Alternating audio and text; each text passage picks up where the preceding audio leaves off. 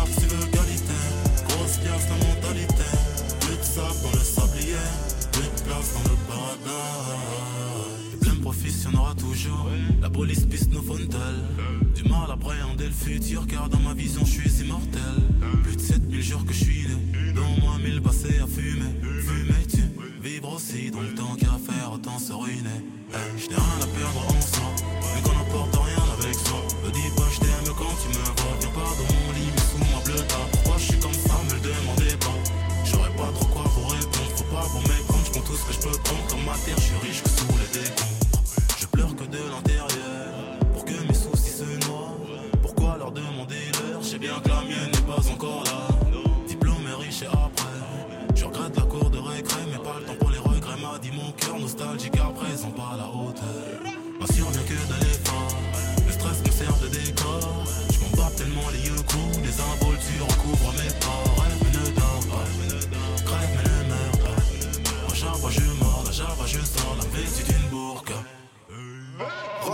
Je sais faire de mieux. Casser la gueule des racistes aussi. Toujours un couteau dans le sac pour mieux.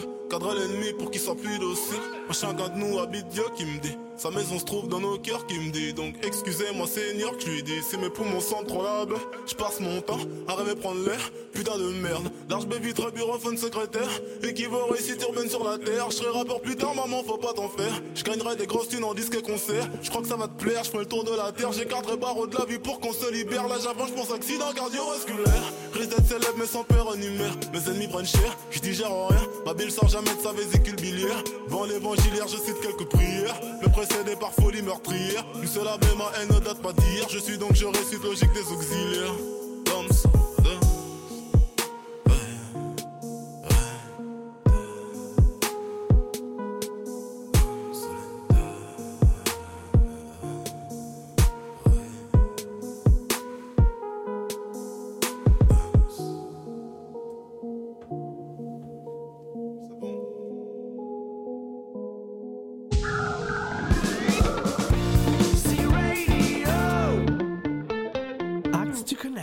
Retrouvons tout de suite Marc-Antoine, Flying Reporter, qui est présent au, euh, à l'hypermarché de Berkem-Saint-Agathe. Merci Thomas, je suis donc à Berkem-Saint-Agathe avec euh, Zila. Zila, est-ce que tu peux te présenter s'il te plaît? Bonjour, je suis Zila Zeynelagic, je suis la directrice de Berkem Santagat. Je suis dans l'entreprise depuis euh, un peu plus de 20 ans et euh, mes débuts ont été euh, justement ici à Berkem en tant que caissière et puis je suis passée un peu par tous les postes qui existent chez nous et c'est avec un grand plaisir qu'aujourd'hui je suis revenue dans le magasin de Berkem Santagat comme directrice du magasin. Merci beaucoup Zila. Donc Zila, notre épisode de, cette euh, saison, de ce mois, euh, est sur les fêtes de fin d'année. Je voulais savoir pour ton magasin, c'est quoi euh, voilà les grandes priorités qui arrivent, les grandes challenges jusqu'aux fêtes de fin d'année que vous avez à Berkem. On va dire que comme chaque année, euh, on se dit que le mois de novembre, c'est un mois qui est euh, très chargé en termes de marchandises, justement pour pouvoir répondre au mieux euh, aux besoins de nos clients pour les fêtes de fin d'année. Donc, les plus grands challenges, ce sont de pouvoir écouler toutes les, euh, tous les volumes de marchandises qui rentrent, c'est de ne pas louper le rendez-vous, euh, notamment sur les jours euh, cruciaux euh, en décembre, qui sont les derniers jours du mois de décembre sur la partie du frais. C'est de pouvoir répondre aussi aux besoins qui y sont aussi bien en termes d'hommes dans le magasin qu'au niveau de logistique et les plus gros challenges, je pense que c'est euh, c'est pareil pour tous les magasins, euh, c'est de gérer les imprévus. Et les imprévus, on, on, les connaît très bien. Ce sont les camions qui arrivent en retard, c'est les palettes qui sont mélangées, c'est les collaborateurs qui ne viennent pas, etc., etc. Mais euh, moi, j'appelle ça un stress positif parce que euh, c'est de cette manière-là qu'on apprend tous les jours. Euh, ben tiens, euh, aujourd'hui j'ai un petit problème, comment je le règle au plus vite? Euh, Forcément, l'objectif final, c'est de donner un maximum de satisfaction à nos clients et de ne pas louper euh, le moindre le moindre truc en fin d'année. C'est surtout avoir tout l'assortiment parce que euh, les, les, courses pour les fins d'année, c'est quelque chose de sacré pour, euh, pour nos clients, aussi bien que pour nous que, que pour eux. Donc voilà. Super, merci beaucoup. En effet, un sacré euh, challenge, mais bon, ça se voit que euh, tu es positive euh, au vu de cette période. Est-ce que d'ailleurs, tu as peut-être un petit message aux collaborateurs du siège, quelque chose pour avoir des gens un peu en magasin? Alors, mon message, c'est n'hésitez pas de venir nous rendre visite. Je sais que Berkem est maintenant encore un peu plus proche parce que vous êtes à Zaventem. Donc, vous êtes vite, vous serez bien accueillis on a de quoi faire, on a tout ce qu'il faut, des chaussures de sécurité, euh, des petits cutters, et, etc. On a une équipe euh, qui est au taquet, donc n'hésitez pas de venir nous donner un coup de main, de partager avec nous euh, cette ambiance qui est vraiment très très festif les, pour, pour le mois de décembre. Et même si ça paraît un peu lourd en termes de charge de travail, sincèrement, c'est avec un grand plaisir qu'on y vient travailler tous les jours le rendez-vous est pris et je serai là comme ça. Euh, au moins, tu auras une première personne. Et c'est pas la première fois d'ailleurs que tu seras là. Merci. Euh, et est-ce que, euh, voilà, pour les fêtes de fin d'année, toi, est-ce que tu fais des courses chez Carrefour ces fêtes de fin d'année? Ben, Même en dehors de fin d'année, je fais mes courses chez Carrefour. Donc, je fais mes courses que chez Carrefour. C'est rare que je vais ailleurs. Et si je vais ailleurs, c'est vraiment parce que j'ai envie de, de comparer peut-être les assortiments, etc. Et bien sûr, je fais mes courses de, de fin d'année, euh, les petits cadeaux, euh, le, le, repas et tout, tout se fait euh, chez Carrefour. De un, parce que, je sais pas, je suis né Carrefour, on va dire. Et euh, de deux, parce qu'on a de la qualité, on a le prix, et c'est très très intéressant de faire ces courses euh, chez Carrefour. Trop bien, merci. Eh ben écoute, euh, c'était super. J'ai juste une dernière question, c'est la question habituelle, et tu l'as déjà eu une fois. C'est quoi ta chanson que tu as envie de partager en ce moment? Peut-être pas favorite, tu dois en avoir beaucoup, mais que tu as envie de partager en ce moment Mais comme ça, en ce moment, euh, ce qui passe, et ça se, ça se chante facilement, c'est Just Say Yes.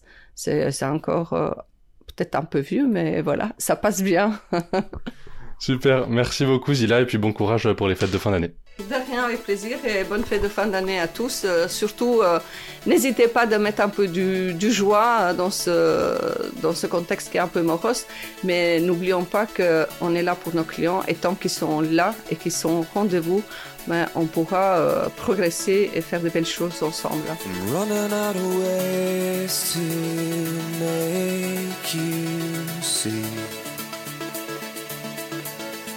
I want you to stay here beside me. I won't be okay and I won't pretend I am. So just tell me today and take my hand. Please take my hand. Please take my heart.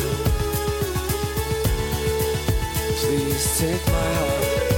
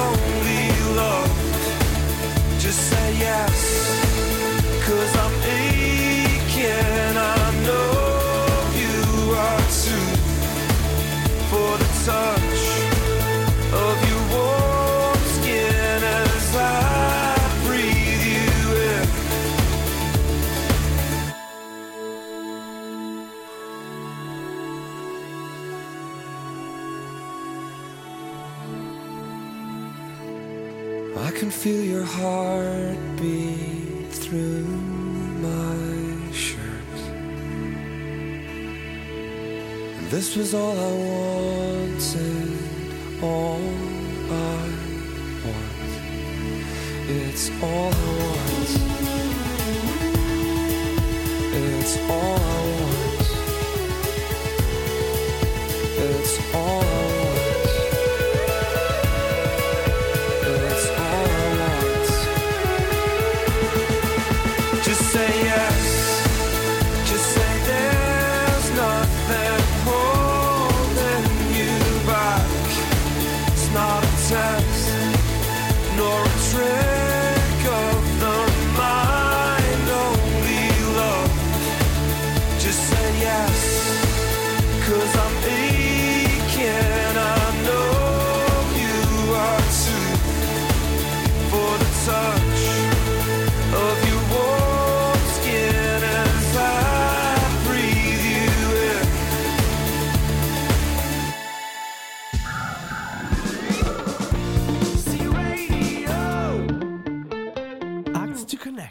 en direct du studio avec Cédric Amann, directeur opérationnel hypermarché. Cédric, bonjour.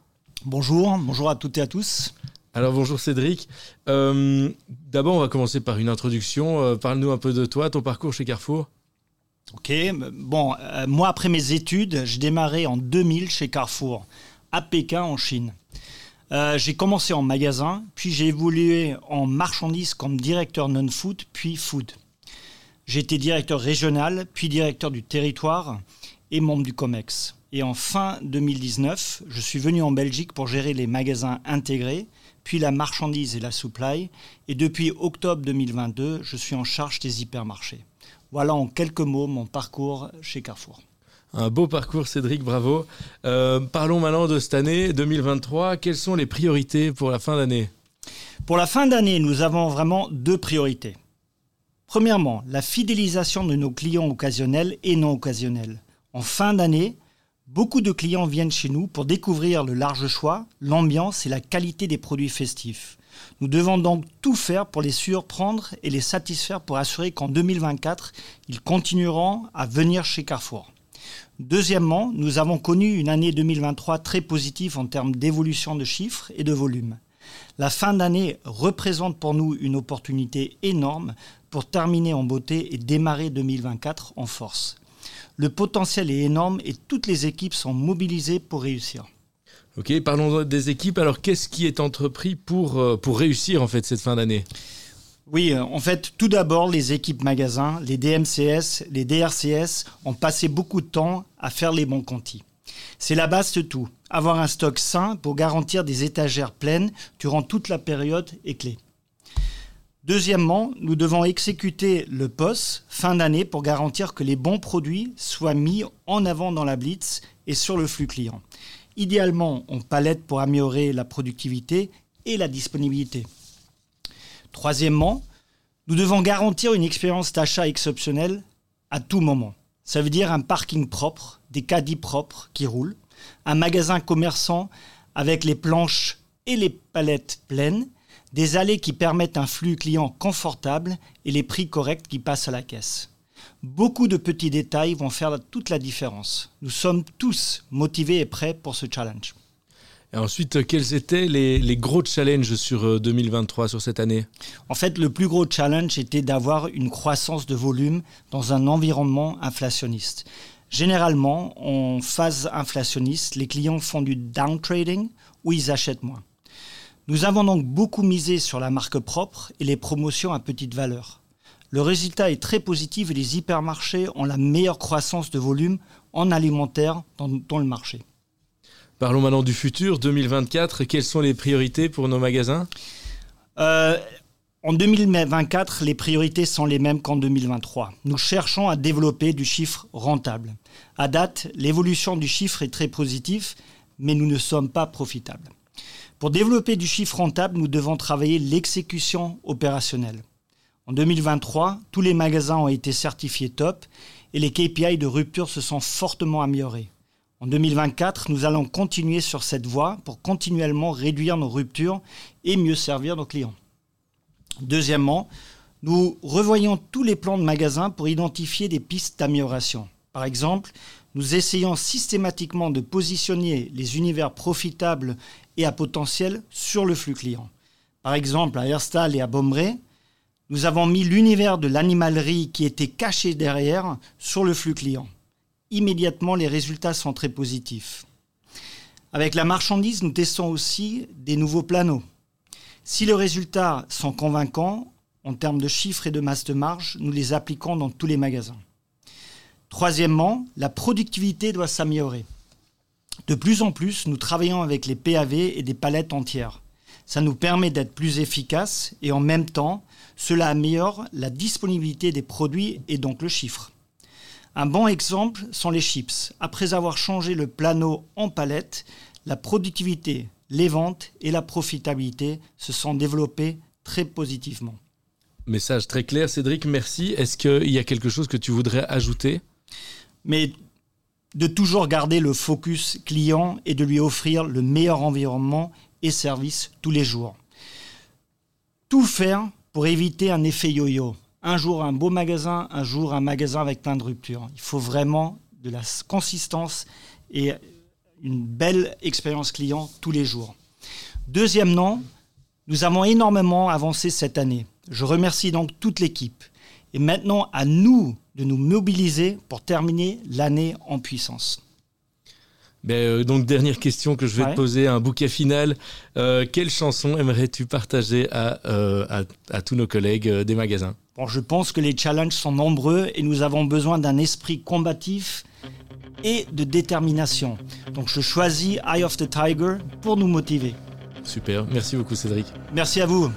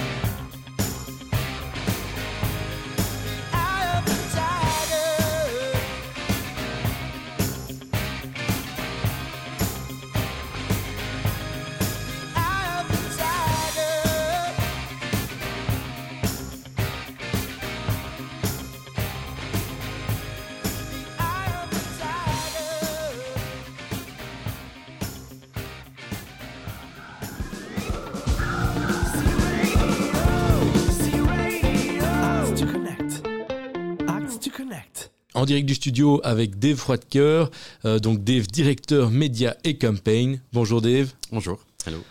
Euh, alors Dave, on commence traditionnellement par une question sur le parcours chez Carrefour. Quel est ton parcours chez nous? Euh, long. Euh, non, je suis là déjà 18 ans euh, et j'ai commencé en magasin, un peu tous les différents métiers. Et puis après, je suis passé au concept. On a encore fait les magasins Carrefour Planète qui n'existeront plus. et puis après, je suis passé au marketing et c'est là où je suis déjà plus ou moins 10 ans, je pense, jusqu'à maintenant. Ok, donc marketing, on parle beaucoup de digitalisation. Comment se porte la digitalisation de notre marketing, Dave? Oui, effectivement. Euh, en fait, on veut devenir un digital retail company euh, et c'est mis dans le nom, effectivement, qu'on veut passer de plus en plus digital. Euh, et un des grands leviers qu'on a fait maintenant, c'est la digitalisation, digitalisation du folder. et en fait, c'est toute une démarche pour enlever du papier, le folder print euh, imprimé, on enlève du papier et cet euh, argent, ce budget-là, est réinvesti sur des autres médias. Euh, et ce sont des médias soit above the line, comme radio, TV, ou soit sur du digital. et c'est une démarche qu'on est en train de faire depuis quelques, quelques mois déjà. Ok, et quelle est la réaction de, des clients par rapport à cette digitalisation, de plus avoir de folder papier? Euh, ça dépend, euh, c'est dual. Euh, on travaille en vague et c'est très progressivement qu'on fait ces, ces, adaptations. Et chaque magasin qui rentre dans une zone ou dans la test digitalisation, euh, on fait un suivi euh, spécifiquement sur des KPI. On va regarder le chiffre d'affaires, on va regarder le débit, on va regarder le panier. Euh, et globalement, on fait un suivi très proche. Et ce qu'on a remarqué, c'est sur les magasins très urbains. dans ces magasins-là, on a une vraie réussite et on voit que la digitale prend de l'ampleur et que là, il n'y a pas de drop-off non plus au niveau de chiffre d'affaires. Et c'est notamment des grandes villes. Euh, si on prend Bruxelles ou Anvers, il y a plein d'immeubles avec euh, plein de boîtes aux lettres où il y a même des stickers no pub. Euh, et c'est pour ça que sur ces zones-là, on voit que les gens sont prêts à passer sur du digital. Par contre, sur des magasins qui sont beaucoup plus ruraux, là, on a plus du mal et c'est logique aussi. C'est des, des, clients qui sont plus attachés au folder papier. et c'est pour ça qu'on on, suit ça de tout près, mais on voit que les résultats actuellement sont positifs et c'est pour ça qu'on continue. Ok, oui, je crois que c'est dans l'air du temps. Euh, parlons maintenant des fins de la fin d'année. Comme chaque année, on organise une action avec des timbres. Cette année, l'élection avec les timbres, ben, ce sera en digital aussi. Euh, comment est-ce qu'on a fait le switch? Euh, on a fait le switch, switch comment, on a déjà passé sur plusieurs activations sur du digital. Euh, on a une plateforme qui s'appelle Bonusland, euh, qui performe assez bien et qui est déjà connue euh, vis-à-vis les clients. En plus, dans les magasins, on a des bornes, on s'appelle ça le borne Heiko, mais c'est les grandes bornes digitales sur lesquelles on sait que les clients vont scanner leur carte, qu'ils vont rédempter leur euh, bon de 5 euros et des choses comme ça. Et en fait, pour la mise en place de l'action dématérialisée, comment s'appelle euh, l'OPFIT dématérialisé, euh, on est passé sur ces deux tools-là, justement pour le client on a quand même accompagné les clients tout au début parce qu'on a fait un mini leaflet pour expliquer euh, qu'on est passé sur du digital. On a remis aussi des hôtesses dans un magasin qui étaient à l'entrée du magasin pour accueillir les clients et pour expliquer qu'on est passé sur du digital. Euh, et en fait, on a insisté les, clients de s'inscrire euh, online. Et peut-être un petit truc, un tip qu'on a quand même vu sur les précédentes actions où on n'était que sur du full digital, on a eu des remarques des clients qui disaient oui, je ne peux pas participer parce que j'ai pas une adresse email. là, c'est notamment des clients un peu plus âgés. Euh, ici, on a euh, mis une option que, que, les clients peuvent aussi inscrire avec leur numéro de téléphone. Et comme ça, il n'y a déjà plus le frein euh, pour ceux qui n'ont pas d'adresse email. Ok, parfait. Et alors, est-ce qu'on a déjà des résultats? Est-ce qu'il y a déjà des gens qui s'inscrivent pour cette action des oui. timbres? Oui, il y en a. Oui. Euh, j'ai regardé ce matin, on était à 92 000 euh, clients déjà. Euh, c'est quand même déjà un paquet quand tu vois tous ces gens ensemble. C'est déjà une grande ville. et l'objectif est d'atteindre 100 000. Alors, je pense que même cette semaine, on va atteindre cet objectif. c'est 100 000 clients qui, qui vont épargner digitalement. Ok, le client, collaborateur, comme ça, ils nous entendent et ceux qui ont oublié de s'inscrire pourront s'inscrire. Oui, c'est ça, Merci Dave. Euh, j'ai encore une dernière question à te poser. Est-ce que tu souhaiterais faire partager euh, une chanson de ton choix à nos auditeurs? Oui, ok. Euh, j'ai pensé, en fait, j'ai choisi la chanson Buttons and Bows. c'est une chanson qui est super vieux, euh, mais c'est super cozy. Et en fait, j'ai choisi cette chanson parce que c'est la chanson qui va accompagner notre campagne Year. Et sur le spot télé, euh, qui est très chaleureux aussi, on va entendre cette euh, musique. Et c'est pour ça que j'aimerais bien l'avoir ici sur la radio aussi pour les collaborateurs. très beau choix, Dave. Je suis impatient de découvrir la chanson. Merci beaucoup. Je t'en prie. Et à bientôt. Ciao. Salut.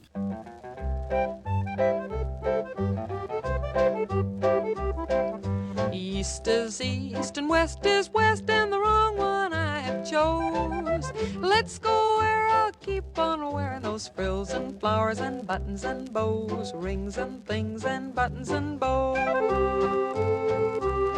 Don't bury me in this prairie, take me where the cement grows. Let's move down to some big town where they love a gal by the cut of her clothes, and I'll stand out in buttons and bows. I'll love you in buckskin and skirts that I've homespun, but I'll love you longer, stronger, where your friends don't tote a gun. My bones denounce the buckboard bounce and the cactus hurts my toes. Let's vamoose where gals keep using those silks and satins and linens that shows, and I'm all yours in buttons and bows. My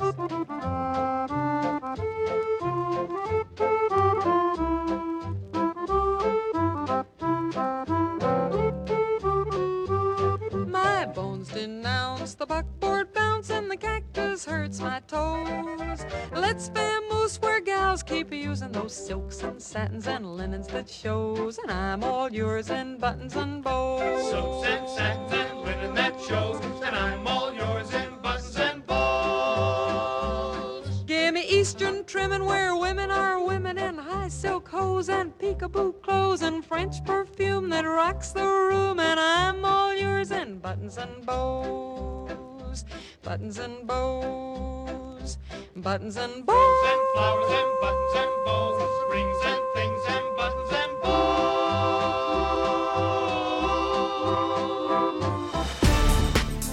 C Radio. News. On retrouve maintenant Olivier Manger pour les news. Bonjour Thomas, bonjour à tous. Dans l'actualité de ce mois de novembre, on commence par le défi de l'innovation. Un appel a été lancé à tous les collaborateurs dans le but de laisser libre cours à notre imagination et imaginer ainsi les solutions retail de demain.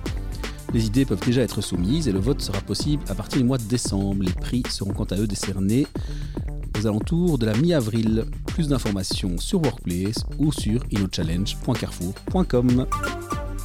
La tournée des jubilés touche à sa fin. Elle concerne tous les salariés ayant 20, 25, 30, 35, 40, voire même 45 ans d'ancienneté. Ils sont conviés à une célébration d'anniversaire organisée par région dans 6 hypermarchés ainsi qu'une célébration au Service Center. Le mois de novembre, c'est également le mois du respect. Et pour rappel, une communication bonne et respectueuse est bonne pour la santé mentale de chacun. Elle garantit plus de satisfaction et de motivation au travail. Écoutez attentivement votre interlocuteur est un point de départ important pour une communication respectueuse. Une action a également été lancée pour euh, poster avec votre équipe des photos ou des vidéos qui mettent en avant le respect sur Workplace. Plus d'informations de nouveau sur la plateforme. On termine ces news en parlant des Day in Store qui démarreront très bientôt. N'hésitez pas à vous inscrire pour tous les employés des service centers. C'est une occasion aussi d'aller à la rencontre de nos collègues en magasin. C Radio.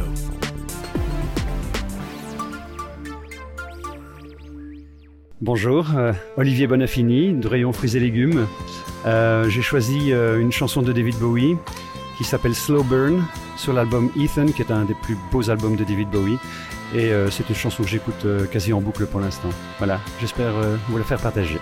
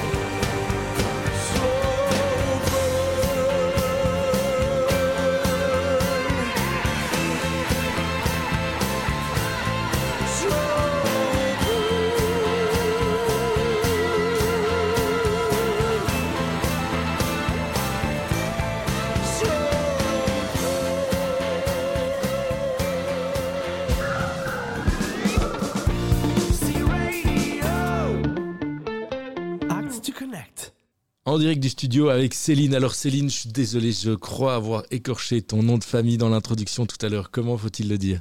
Alors c'est très simple, c'est Will Schutz. Eh ben, Bonjour Céline Will Schultz. Bonjour Thomas. Merci. Euh, alors euh, Céline, tu es online branding manager, mais tu es ici pour nous parler de My Social Store. Alors qu'est-ce que c'est? Qu'est-ce que ça nous a permis de trouver euh? Alors bah, c'est une très bonne question. Alors en fait, My Social Store, c'est un projet euh, qu'on a lancé avec euh, toute l'équipe parce qu'on a constaté qu'il y avait de nombreux magasins qui n'étaient pas encore actifs sur les réseaux sociaux. Et pourtant, bah, les magasins, ils ont un énorme potentiel de visibilité pour mettre en avant leurs magasins sur leurs différentes plateformes.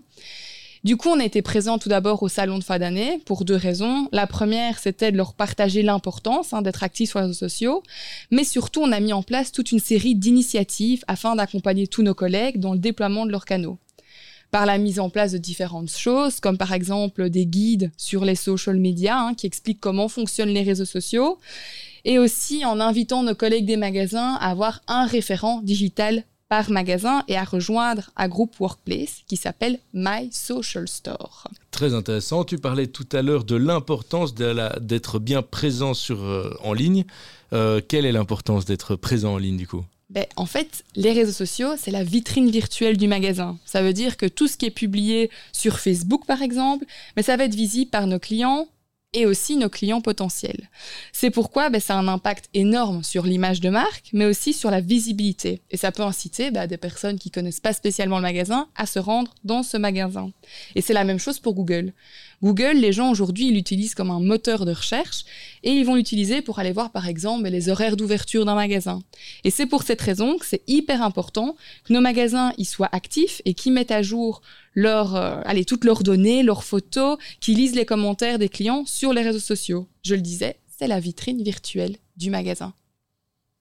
Ok, très intéressant. Et donc, euh, est-ce qu'il y a un concours organisé via euh, My Social euh, Store du coup? Alors oui, il y a un concours qui a été euh, lancé sur Workplace où justement on invitait nos magasins à augmenter leurs notes sur Google et à publier des photos sur leur compte Google pour ben, justement développer leur visibilité et augmenter leurs notes.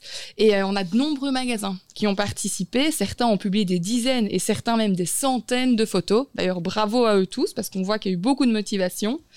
Et nous, ben, on a déterminé les gagnants en prenant en compte deux critères. hein. Comme je le disais, d'une part, l'augmentation de la note sur Google, euh, mais aussi les photos qu'ils ont publiées. Et aujourd'hui, on a les grands gagnants à annoncer. Ah, mais alors qui sont les gagnants? Alors pour Market roulement de tambour, on a Carrefour Market Hoboken Saint-Bernard, Carrefour Market N Saint-Pierre et Carrefour Market Londerzeel. Ben, Bravo à eux trois. Et pour Hyper. Hyper. Pour Hyper, on a l'hypermarché Carrefour Bruges Bipark, l'hypermarché Curingen et l'hypermarché Ostaker. Bravo, bravo. Encore une fois, bravo. Euh, alors, qu'est-ce que. Donc, il y a eu ce concours qui a été fait. Est-ce qu'il reste encore d'autres choses à faire? Alors oui, il y a toujours plein de choses à faire, évidemment. Euh, avec, euh, avec, avec mes collègues, avec l'équipe et avec les équipes aussi de Marc Van Meulem et plein d'autres, on va d'abord travailler sur la formation de nos collègues pour justement ben, les aider à euh, gérer au mieux leurs réseaux sociaux. Et ce qui est vraiment important, c'est bah, enfin, pourquoi est-ce qu'on fait ça? C'est parce qu'en fait, c'est vraiment important que les magasins se lancent, osent se lancer, osent publier du contenu qui leur est propre et local. Parce que, ben, en fait, on remarque que ce type de contenu, il est meilleur et performe beaucoup mieux que juste reprendre du contenu national. Et puis à côté de cela, on a aussi notre collègue Imre Marco qui travaille pour, le lancement d'une application qui va permettre que nos collègues pourront tout gérer directement depuis leur smartphone, ce qui va vraiment aider et faciliter le partage de, de contenu sur leurs réseaux sociaux.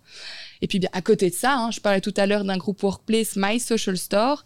L'idée, c'est qu'on continue à accompagner nos collègues en leur partageant des bonnes pratiques, les nouvelles tendances, vraiment tout ce qui est possible et inimaginable pour les accompagner au mieux. Mais bon, travail, ça s'arrête jamais. hein. Les réseaux sociaux, ça bouge tout le temps.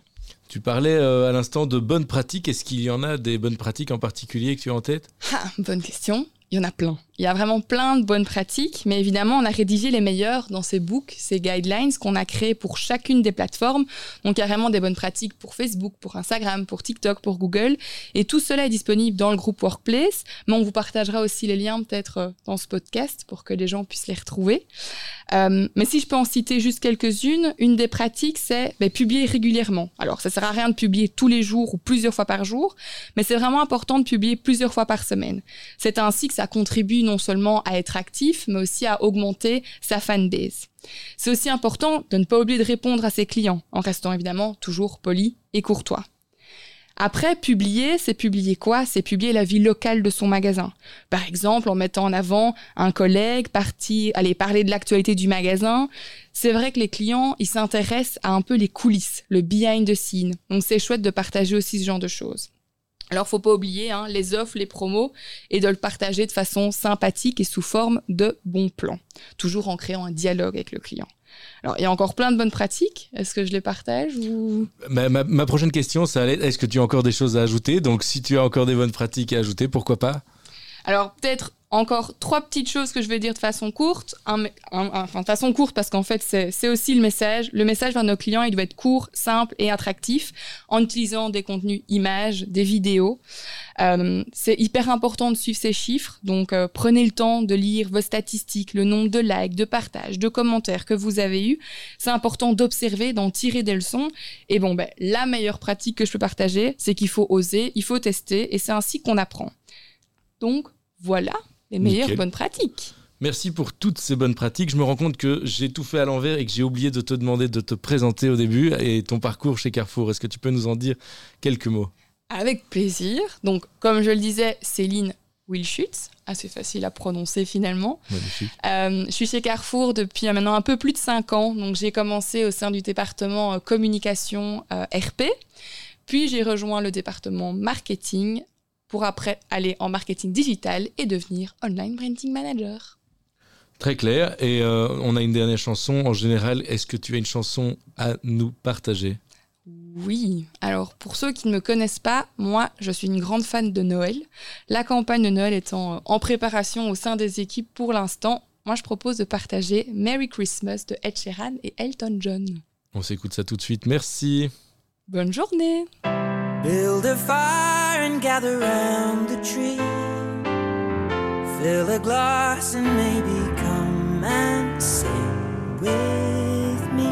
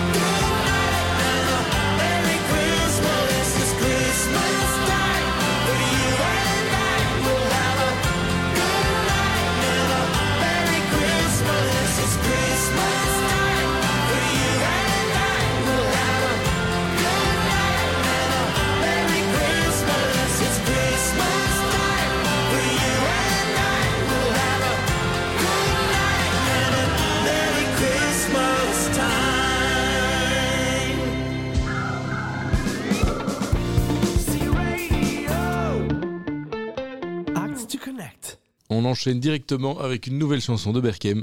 Chatouani Jafar, candidat manager euh, non-food à Berkham Saint-Agathe. Je vous partage la chanson euh, Distinct, Tic Tic.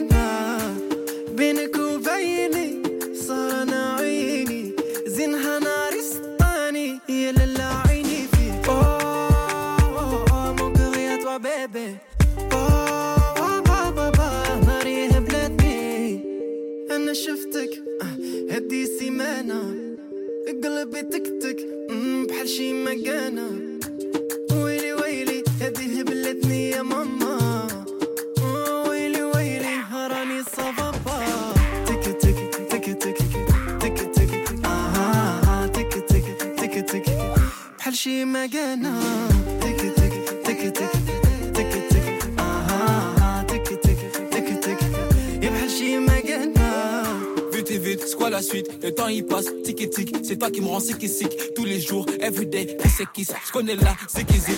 Son cœur est noir comme l'océan, j'irai nager même si j'ai pas pied, palpé, j'aurais tant de palper, bébé m'attend sur le côté, elle m'attend sur le côté, bébé m'attend sur le côté. Plus sur les radars, pardon, là je peux pas fauter. Tic tic tic tic tic tic tic tic ah ah ah tic tic tic tic tic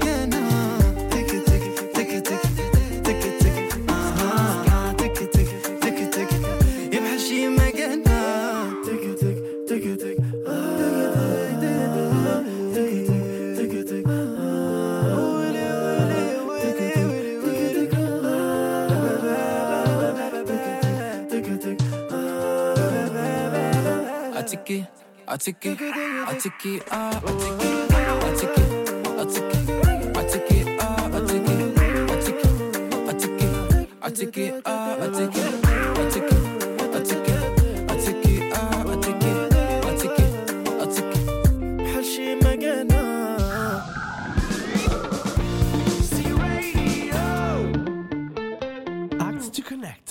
En direct du studio avec Marc Frébut, catégorie manager télécom et images et son. Marc, bonjour.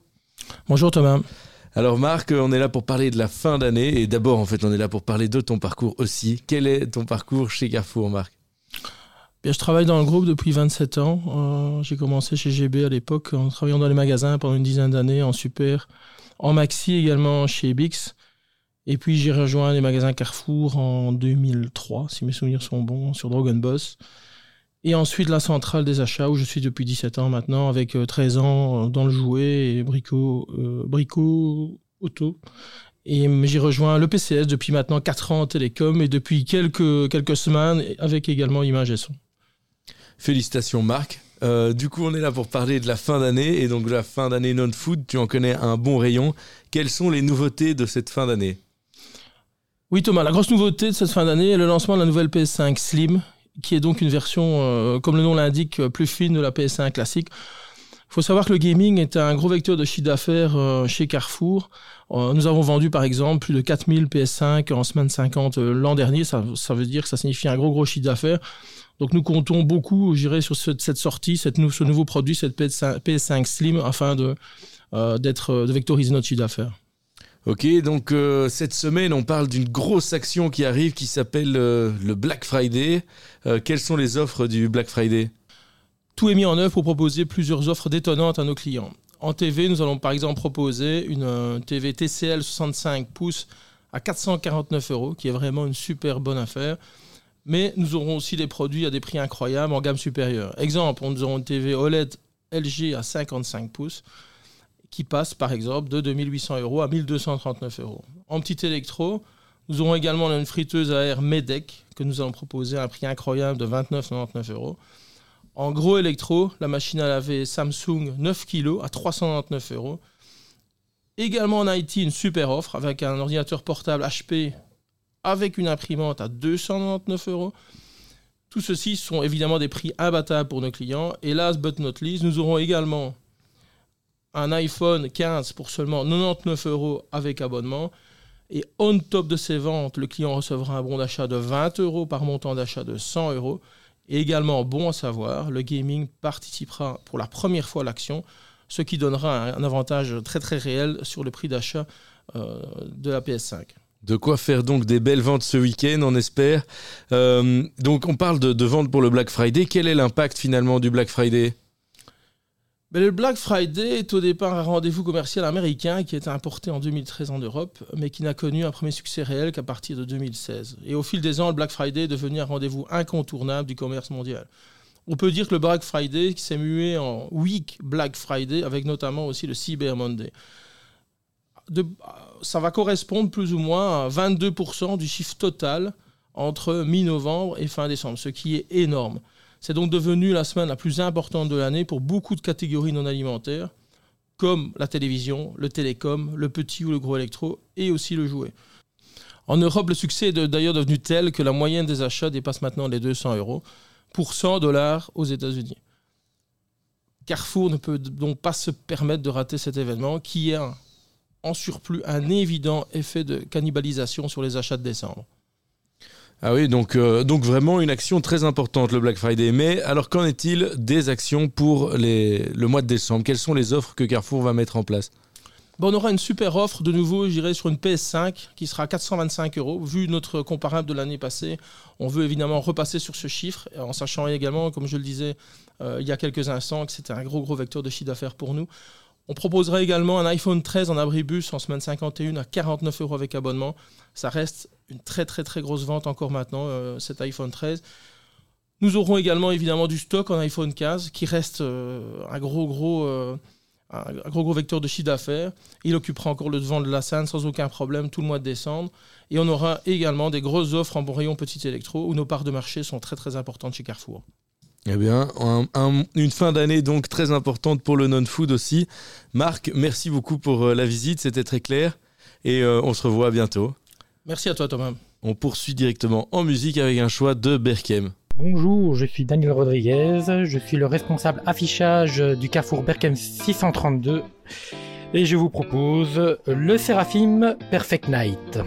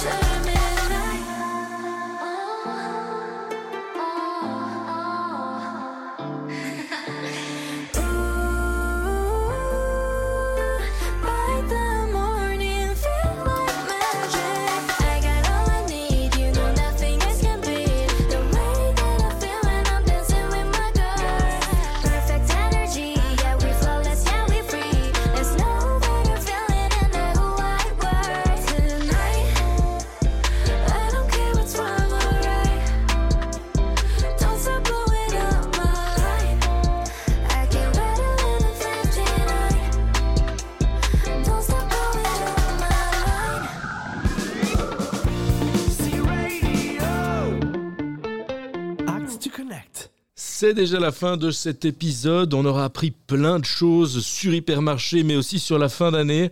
Euh, D'abord, les challenges hyper présentés par Zilla et aussi par Cédric. Ensuite, la mise en place des folders digitaux et euh, de My Social Store euh, par Céline et Dave. Ensuite, Marc nous aura parlé des, produits fin d'année en non-food pour le Black Friday, mais aussi pour la Saint-Nicolas et pour la Noël. J'espère que vous avez apprécié l'épisode. Je vous rappelle qu'on est joignable à C-Radio à l'adresse mail hello underscore C-Radio at carrefour.com. On se retrouve en décembre pour le dernier épisode de 2023 et des fêtes de fin d'année canon. Euh, on écoute tout de suite un choix de chanson de Berkem Saint-Agathe. Petit Dila Martin, vendeur multimédia à Berkham Saint-Agathe. Et j'ai décidé de choisir la chanson de Fali Poupa, Posa. Naboma yo bien na motema nalela yo neti damage. Ya ngai na yo kaka pour le meilleur et le pire te moto mobimbo ozanga defo. Banalinzaka ntina suki. Olisanga ngo neti mpondu me kasi lelelenga mpe neti bomboye talanga ndenge na maboko na monoko